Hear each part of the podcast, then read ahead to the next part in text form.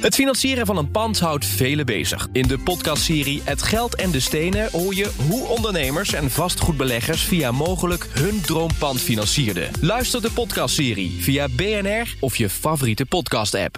Vastgoed gezocht wordt gesponsord door mogelijk vastgoedfinancieringen.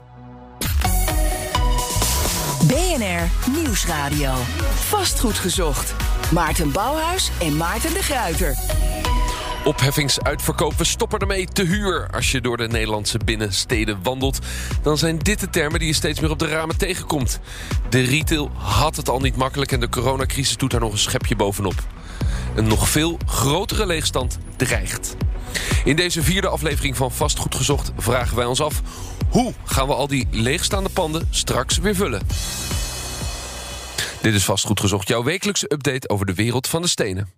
Je hoort ons op BNR en altijd on demand op bnr.nl of via jouw favoriete podcastkanaal. Ik ben Maarten Bouwers, mijn co-host Maarten de Gruiter, projectontwikkelaar en voormalig vastgoedman van het jaar. We gaan ook deze aflevering beginnen met vastgoednieuws. Maarten, waar wil jij het over hebben?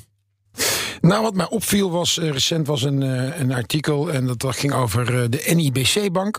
En die kon eraan meer winkeltransformatie te gaan financieren. En dat viel mij om meerdere redenen, viel mij dat bericht eigenlijk op. Is dat uh, schokkend dat een bank besluit om meer winkelombouw... bijvoorbeeld naar woningen te gaan financieren? Uh, nou ja, blijkbaar, want ze, ze, vinden dat nogal, ze vinden dat toch nog wel moeilijk, omdat het uh, nou, vaak de, nog een bestemmingswijziging bijvoorbeeld in zit. Al zie ik het toch al wel heel veel gebeuren hoor. En dan met name op kleinere schaal. Uh, het probleem van die bestemmingswijzigingen is het feit dat als het een retailbestemming heeft, dat het gewoon meer per vierkante meter oplevert dan als het een woonbestemming is. Nee, nou, de, de, het, het, risico zit erin natuurlijk dat iemand koopt het met een winkelbestemming en uh, het is nog geen woonbestemming. Dus die bank die moet dan het risico aangaan dat die bestemming ook daadwerkelijk gewijzigd gaat worden. Ja, ja, daar moet ik even over nadenken. De bank moet het risico aangaan dat de bestemming gewijzigd ja, wordt. Dus iemand koopt dus dat dat daadwerkelijk gaat gebeuren. Dat dat daadwerkelijk gaat gebeuren. Want als het een winkel blijft, ja, die gaat niet meer verhuurd worden. Dus dat, de, althans op een heleboel plekken. Nou, dat, dus het enerzijds gaat het erover uh, dat de, de, de, banken, dus die NIBC-bank, vindt dat ze zelf het risico moeten gaan nemen. Nou, dit is ontstaan bij de NIBC door een interne uh, wedstrijd van jonge, knappe koppen. En daar is dus één team heeft die prijs gewonnen. En die hebben gezegd, ja, er staat heel veel winkel vastgoed leeg. En er zijn heel veel woningen. Nou, Eureka, zou je zeggen, dus binnen de bank. Maar iets wat uh, sowieso onze gast ook al wel wist, maar uh, wat natuurlijk een heleboel mensen weten. Want je hoeft maar door een winkelstraat te lopen, dan zie je het. Dus het is niet echt... Ja, dit is de categorie 17 miljoen virologen, 17 miljoen bondscoaches. Er zijn ook 17 miljoen retail-specialisten die zien dat winkels leeg staan... en dat Precies. we die zouden kunnen ombouwen Precies. naar woningen. En, en dan valt het jou op dat uh, NIBC ervoor kiest om in het persbericht ook op te schrijven... zes knappe jonge koppen zijn bij elkaar gaan zitten en hebben dit bedacht. Ja. Ja, dat is natuurlijk een beetje. Dat is natuurlijk een, dit is een beetje. Ja, dat vind ik toch een beetje lachwekkend. Het is wel heel goed als NIBC inderdaad um, uh, dat ook echt gaat doen. Hè? Daad bij het woord. En ook inderdaad dat soort uh, projecten gaan oppakken. Uh, ik had nog niet helemaal het idee dat de banken er erg voor wegliepen, maar blijkbaar wel. Um, en ze zeggen zelf, ja, je moet zelf natuurlijk ook voor geld meenemen. Ja, ik geloof het. Nou ja, we hadden, eerder, we hadden eerder de Rabobank in de uitzending. Die vond het best ingewikkeld om te investeren in deze transitie?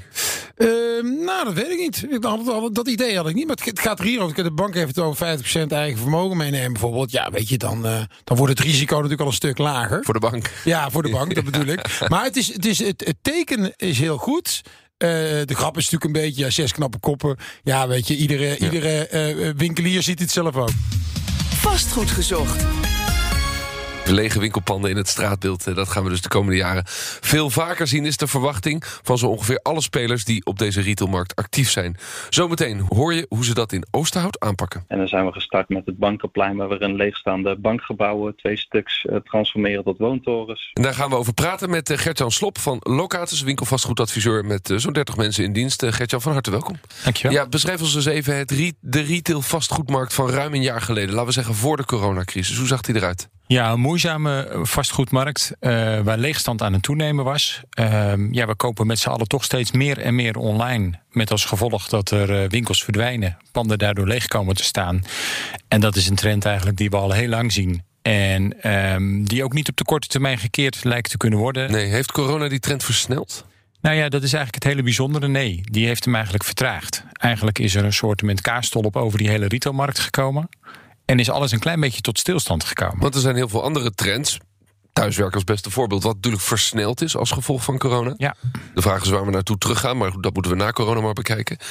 Maar hier zeg je het is vertraagd en dat Ja. komt door de NOW-steun en de Dat komt door overheidssteun. de NOW en de TVL-steun inderdaad van de overheid. Die er eigenlijk heel, veel, heel erg voor heeft gezorgd, of voor lijkt gezorgd te hebben. Ja, dat heel veel ondernemers ehm, eigenlijk beslissingen voor zich uitgesteld hebben. Je, je had net over internetwinkels, hè? Ehm, of, eh, via internet eh, winkelen. Eh, je ziet ook een trend dat internetwinkels juist fysieke winkels openen. Gaat dat een impact hebben of is die te klein? Die is te klein. Dat gaat, natuurlijk is dat heel terecht wat je zegt. Dat gebeurt zeker. Hoeveel winkels heeft Coolblue nu? Ja, nou, dat Of is een mooi voorbeeld. Tien, meen ik. Ik Ja, weet het ex niet nou, exact, zoiets. maar om en nabij de tien. Ja. Dus dat, over dat soort aantallen gaat het natuurlijk. En dan is Het het... zijn overigens mini-DC's, hè? want als ik iets kleins bestel... wat hij in Haarlem uit zijn winkel kan halen... dan komt hij het met zijn bakfiets brengen. Ja, ja En dan, komt het dus niet uit de grote DC in, eh, in Waalwijk, eh, staat het geloof ik. En nog belangrijker voor hun, als jij iets wil ruilen, ga je daar naartoe en ga je daar ruilen. Ja, ja. En hoeven zij niet te rijden, maar rij jij. Dus het, het werkt. Die, ja, dat vind je mooi. dus het werkt, die trend. Maar dat is eigenlijk te, te minimaal om, om echt van impact te kunnen zijn op de groeiende leegstand. Ja, eh, verdwijnen jaarlijks op dit moment zo'n drie, tenminste tot voor de coronacrisis, verdwenen er jaarlijks zo'n 3000 winkels in Nederland.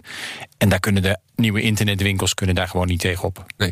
Nu zeg je van er is dus een soort van eh, stolp overheen gekomen... waardoor er wat vertraging is gekomen. Maar onder de oppervlakte sluimert er dus wel van alles. Ja, want natuurlijk het internetwinkelen is alleen maar toegenomen. Heeft ook die nieuwe doelgroepen aangeboord die voorheen niet of nauwelijks internet gebruikten. Dus ja, als dadelijk de coronacrisis eh, voorbij is en de steunmaatregelen worden afgebouwd. Ja, dan zal er, ben ik toch wel bang voor een aantal retailers doek gaan vallen. Ja, ik wil niet de pessimistische presentator zijn... maar ik denk dat de coronacrisis nog wel een tijdje bij ons is. De winkels zijn afgelopen week weer open gegaan. Straks valt ook de steun weg, waar we het net over hadden. NOW en de TVL. Eh, ja, en wat dan? Verwacht je dan eh, een sneller groeiende leegstand door faillissementen? Ja, want er zijn nog twee dingen die dan nog ook gaan spelen. Ehm, belasting hebben ze natuurlijk is uitgesteld. Eh, dus die moet nog terugbetaald gaan worden, want het is niet afgesteld, maar uitgesteld. En veel retailers hebben afspraken met hun verhuurders gemaakt dat ze ook huur later mogen betalen. Dus er komen ook juist nog wel weer extra kosten aan de komende tijd. Ja, waar gaan we de effecten het hardst zien? In wat voor type steden? Ehm, vooral in de, de, de wat grotere binnensteden op de kortere termijn. En dan in de wat, ja, en eigenlijk in alle binnensteden op de wat langere termijn. Maar, en hoe werkt dat dan? Wat- zijn grotere Ja, binnensteden? Is dan dat... heb ik het over Amsterdam, Rotterdam, die ook heel erg afhankelijk zijn van toerisme. Want dat is natuurlijk nog een ander aspect. Daar zijn ze heel erg van afhankelijk. En dat zal niet snel terugkeren. Ik denk niet dat in 2021 eh, de Aziatische en Amerikaanse toeristen allemaal weer terug zijn in Amsterdam. Nee, en de middelgrote steden, bijvoorbeeld Den Bosch... wat ook een populaire stad is om te winkelen... die kan misschien eh, wat minder harde klappen krijgen... doordat er veel binnenlands toerisme is. Ja, Dan dat Nederlanders die een dagje gaan shoppen... dan gaan ze naar dat soort steden toe. Absoluut. Deventer inderdaad. Steden in toeristische regio's... die hebben het sowieso in het derde kwartaal vorig jaar... hebben die het ook best wel goed gedaan op heel veel terreinen. Ehm, en dat zal nu ook wel weer zo zijn. Ja, we zullen met z'n allen toch veel minder weer naar het buitenland gaan... dit jaar dan vorig jaar. En dat soort geld wat niet in het buitenland wordt uitgegeven... wordt wel binnenlands uitgegeven. Juist. Ehm, de, dat roept natuurlijk de vraag op... ehm, wat moet er dan met dat vastgoed? Ja. Want er komt dus steeds meer leegstand. Je ziet al wel wat herbestemming. Er zijn een aantal panden van Hudson Bay... die het niet gered hebben, eh, toch al wel weer herbestemd. Wat, wat, voor, wat zie jij als de beste kansen? Nou, de makkelijkste kans is inderdaad woningen. Hè, wat dat betreft inderdaad waar we het over het begin over hadden. Maar ik moet wel, je moet wel oppassen dat je niet alles voor woningen gaat plaatsen. Want ja, een, een binnenstad functioneert ook door de combinatie van voorzieningen waar mensen op afkomen.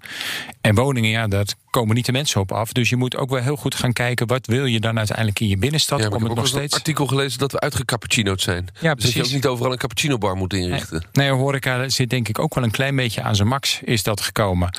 Maar ja, je moet dan ook weer echt gaan denken aan andersoortige functies. En dat zien we ook wel weer een klein beetje gebeuren. Hè. We hebben heel lang gezien bijvoorbeeld meubelwinkels die alleen maar naar de meubelboulevards gaan.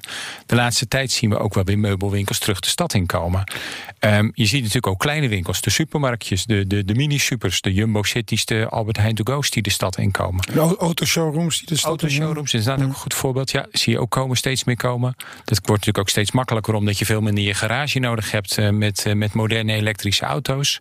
Dus daar zijn inderdaad allerlei dingen. Maar ook veel meer maatschappelijke voorzieningen. Doordat die huren aan het dalen zijn in binnensteden, zijn ook maatschappelijke voorzieningen. Maken weer kans om in de binnenstad te komen. Daar raak je een punt. Want die huren van de retail zijn klassiek gezien, maar toch ontzettend hoog. Ja.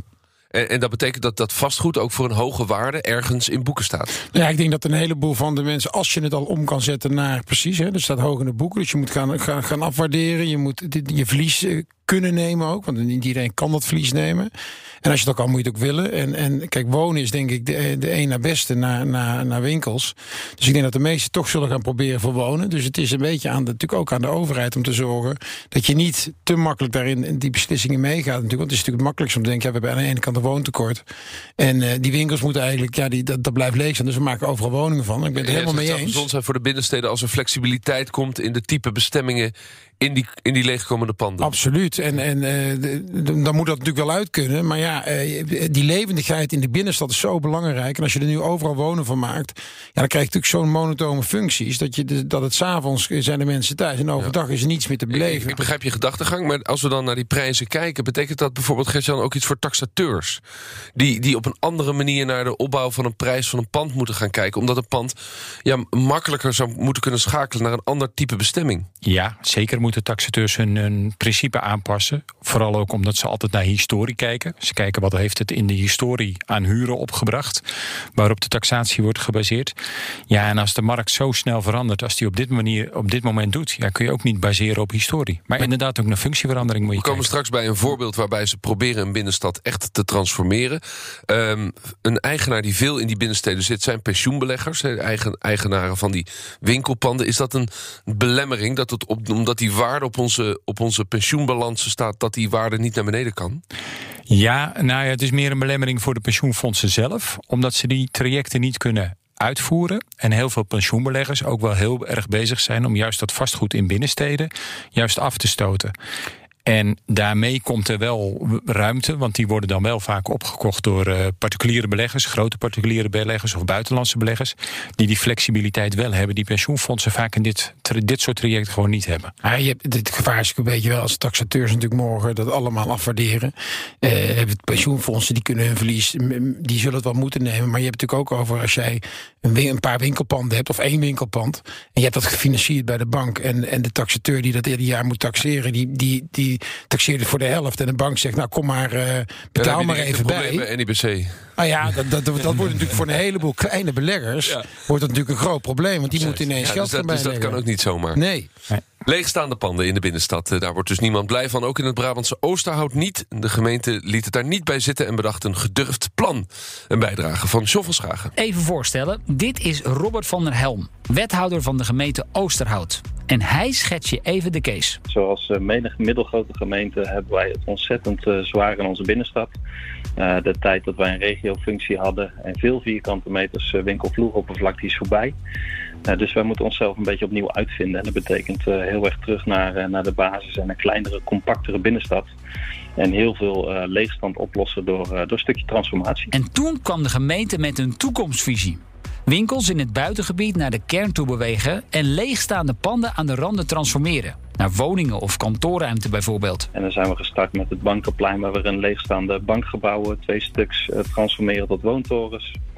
Uh, en onlangs hebben we als gemeente ook een heel stuk overdekt winkelcentrum uh, van zo'n uh, 9200 vierkante meter aangekocht. Om ook te transformeren. Ja, want daar komt straks het nieuwe gemeentehuis dus. Oké, okay, nu moet je zo'n bestemming als stadsbestuur wel hebben natuurlijk. Maar het begint zoals gezegd allemaal met een visie. En die in Oosterhout is kraakhelder. De komende jaren tussen de 15 en 19.000 vierkante meter in winkeloppervlakte afschalen. Ik zou iedereen willen adviseren om soms een beetje uh, wat meer durf te tonen in het uitspreken van een visie.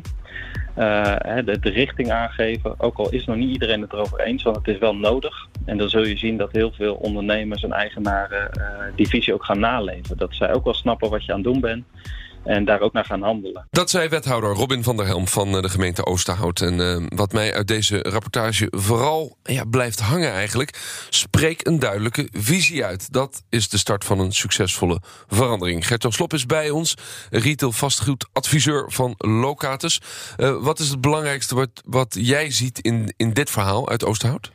Ja, inderdaad, duidelijke visie en de regie pakken ook als, uh, als gemeente. Uiteindelijk denk ik dat in heel veel situaties vastgoedeigenaren en retailers uh, samen moeilijk uit kunnen komen. Er zijn er toch te veel krikken, kikkers die in een kruiwagen moeten blijven. En als je als gemeente de regie daarin pakt.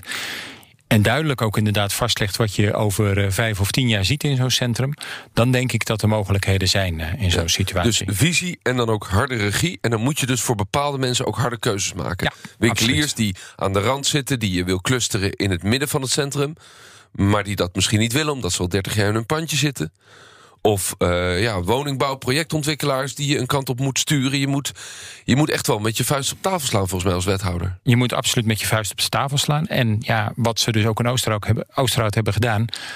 Ook geld in eh, een zak met geld hebben om soms gewoon projecten toch die anders niet van op gang komen, toch op gang te krijgen. Ook dat, ook Ja. dat is nodig. En het, het, het gemeentehuis verplaatst, toch? Ja. Ik bedoel, dat, eh, dit, dit klinkt natuurlijk allemaal makkelijk, maar als je je hele gemeentehuis of je gemeentekantoor kan verplaatsen, dan kan je natuurlijk ook niet overal. Hè? Ik bedoel, eh, Nee, het gemeentehuis van Oosthout, ik ben er wel eens geweest, is al wat gedateerd. Een, een jaren 60-achtig pand. Dus ze hebben ook de kans gehad om te zeggen van... nou, oké, dan gaan we iets nieuws maken. Ja, dat zal ook voor. eh, om niet om onder de regels van de staatssteun uit te komen, waarschijnlijk ook een noodzakelijkheid zijn geweest. Ja. Je, je wilde nog een gemeente noemen, namelijk Heerlen. Ja, Eh, ook een gemeente met grote uitdagingen als het gaat over leegstand... en een beetje een, een verloren centrum. ja absoluut.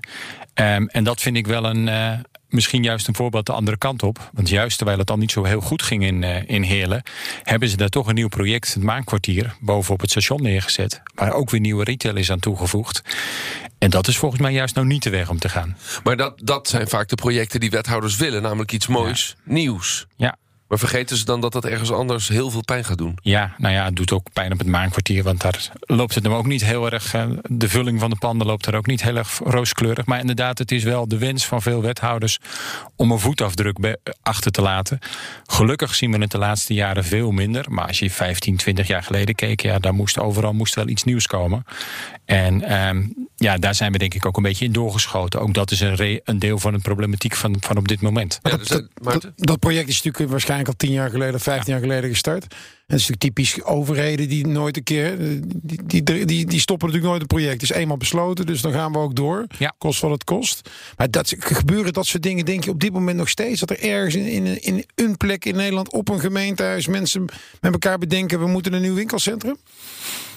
Nou, niet meer op de schaal zoals we het nu hebben.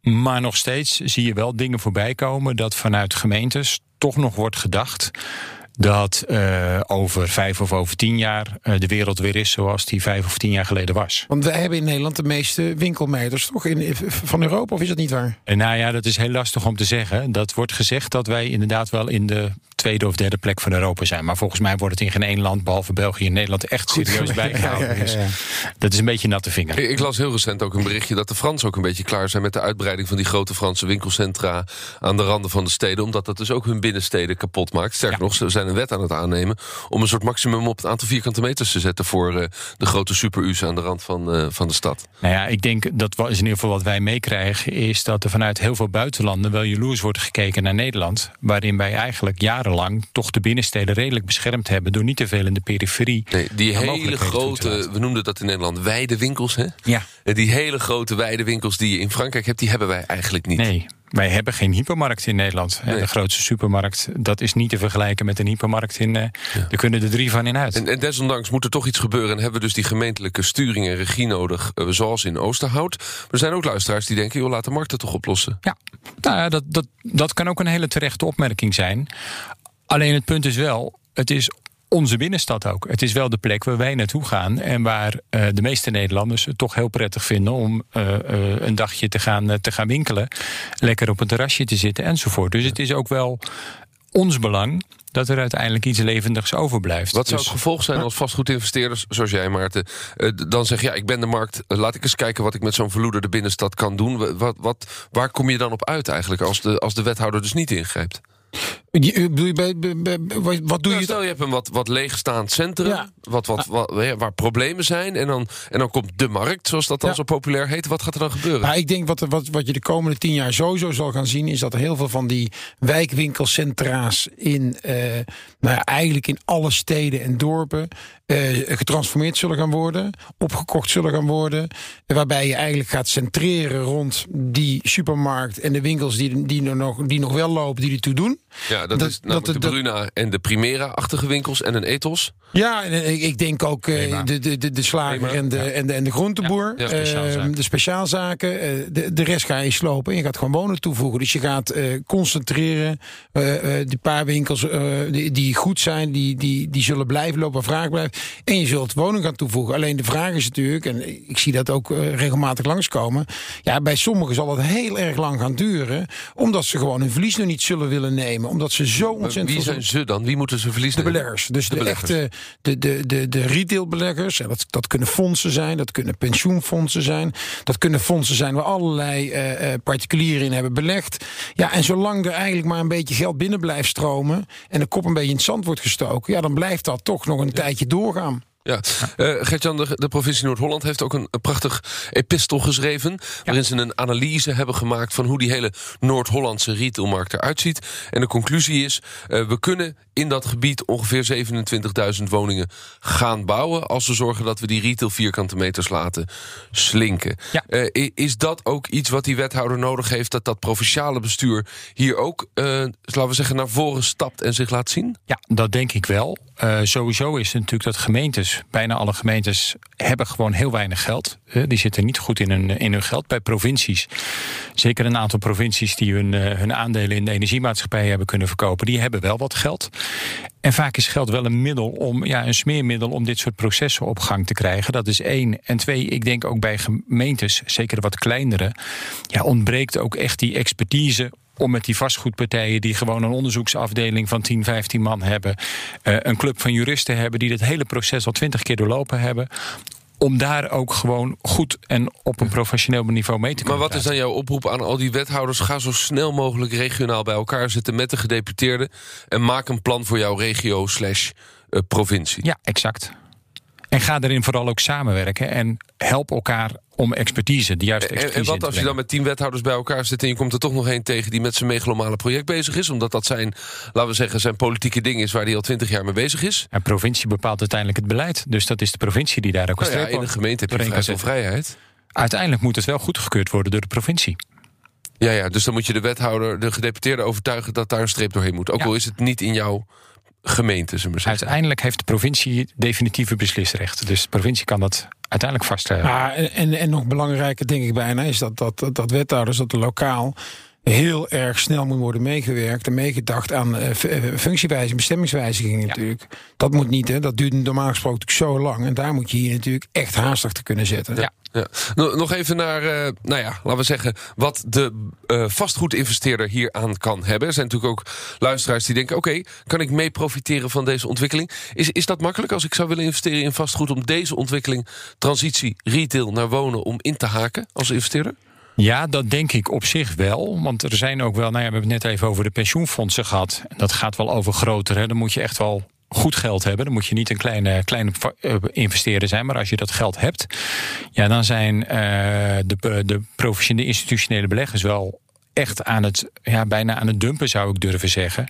Met hun vastgoed op grote, in grote winkelgebieden. En als je daarop kan instappen en die transformatie op gang kan brengen.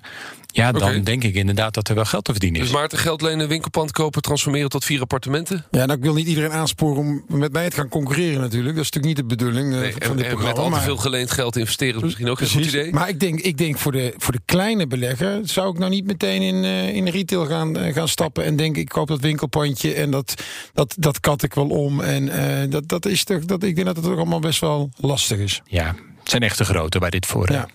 Oké, eh, de wijze woorden van eh, Gert-Jan Slop van eh, Locatus. Maarten, wat is het belangrijkste wat blijft hangen van deze retail-aflevering van Vastgoed Gezocht? Ja, dat natuurlijk alle partijen, de marktpartijen en eh, dus de beleggers en, en de, de, met name ook de overheden natuurlijk goed moeten samenwerken om te zorgen dat die binnensteden levendig blijven en, en, en, en eh, ja, dat er echt wat gaat veranderen. Ja, dus dat maatschappelijke belang waar Gert-Jan over sprak. Ja. eh, en het feit dat die wethouder echt naar voren moet stappen. En soms ook een beetje tegen de markt in moet gaan. Of in ieder geval de markt een kant op moet sturen. Ja, ja, en wat natuurlijk interessant is ook van het Oosterhout-verhaal... ga niet uh, je, je gemeentelijke uh, di diensten, et cetera, buiten het centrum nu uh, nieuwe, nieuwe gebouwen ontwikkelen. Nee, kijk nou wat er in die binnensteden, wat er leeg komt te vallen... en ga dat opvullen met je, met je ja. gemeentelijke diensten.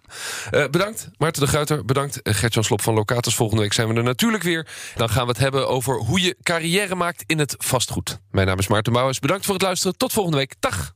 Vastgoed gezocht wordt gesponsord door mogelijk vastgoedfinancieringen.